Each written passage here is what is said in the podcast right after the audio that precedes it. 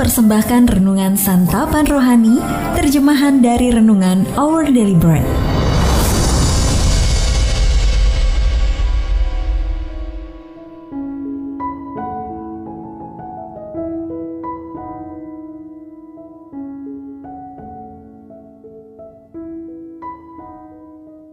Sahabat ODB, pembacaan Alkitab hari ini terambil dari ulangan, pasal yang ke-6 ayat yang ke-4 sampai dengan ayat yang ke-9.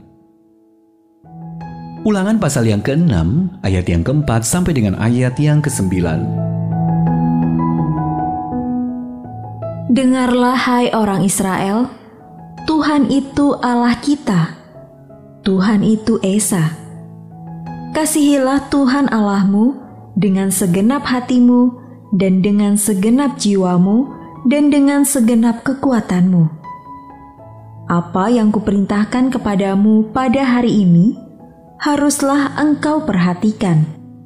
Haruslah engkau mengajarkannya berulang-ulang kepada anak-anakmu dan membicarakannya apabila engkau duduk di rumahmu, apabila engkau sedang dalam perjalanan, apabila engkau berbaring, dan apabila engkau bangun. Haruslah juga engkau mengikatkannya sebagai tanda pada tanganmu, dan haruslah itu menjadi lambang di dahimu. Dan haruslah engkau menuliskannya pada tiang pintu rumahmu dan pada pintu gerbangmu. Ayat Mas Renungan hari ini terambil dari ulangan pasal yang ke-6 ayat yang ke-9 haruslah engkau menuliskan perintah-perintah Allah pada tiang pintu rumahmu dan pada pintu gerbangmu. Renungan hari ini berjudul Penghiburan pada Tiang Pintu ditulis oleh Katara Peten. Ketika sedang melihat-lihat isi media sosial saya, pasca banjir yang melanda Louisiana bagian selatan tahun 2016, saya menemukan postingan seorang teman setelah menyadari rumahnya harus dihancurkan dan dibangun ulang, teman saya didorong ibunya untuk berharap kepada Allah di tengah pekerjaan bersih-bersih yang menguras semangatnya. Teman saya kemudian membuat gambar ayat-ayat Alkitab yang ia temukan pada tiang-tiang pintu rumah yang tampaknya ditulis pada saat itu dibangun. Membaca ayat-ayat kitab suci pada tiang-tiang kayu itu memberinya penghiburan. Tradisi menuliskan ayat-ayat Alkitab pada tiang pintu mungkin berasal dari perintah Allah kepada umat Israel. Allah memerintahkan bangsa Israel untuk menuliskan perintah-perintahnya pada tiang-tiang pintu sebagai cara untuk mengingat dia. Dengan menyimpan perintah-perintahnya dalam hati mereka, yang mengajarkan kepada anak-anak mereka menggunakan lambang dan cara-cara lain untuk mengingat apa yang Allah perintahkan. Dan mencantumkan kata-kata itu pada tiang pintu dan pintu gerbang bangsa Israel diingatkan akan firman Allah.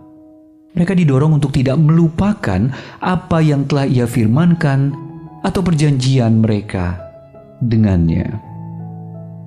Menampilkan firman Allah di rumah kita serta menanamkan artinya dalam hati dapat membantu kita membangun fondasi yang bersandarkan pada kesetiaannya. Sebagaimana yang dinyatakan dalam kitab suci.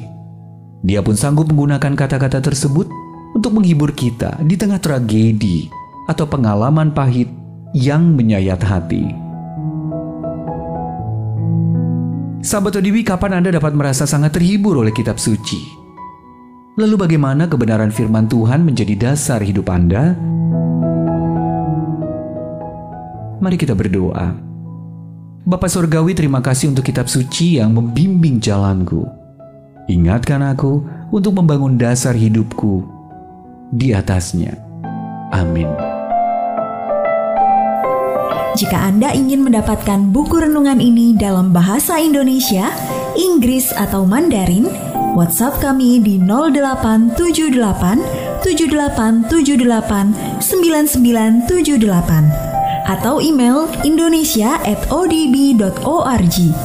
Persembahan kasih dari Anda memampukan Our Bread Ministries menjangkau orang-orang agar diubahkan. Tuhan memberkati.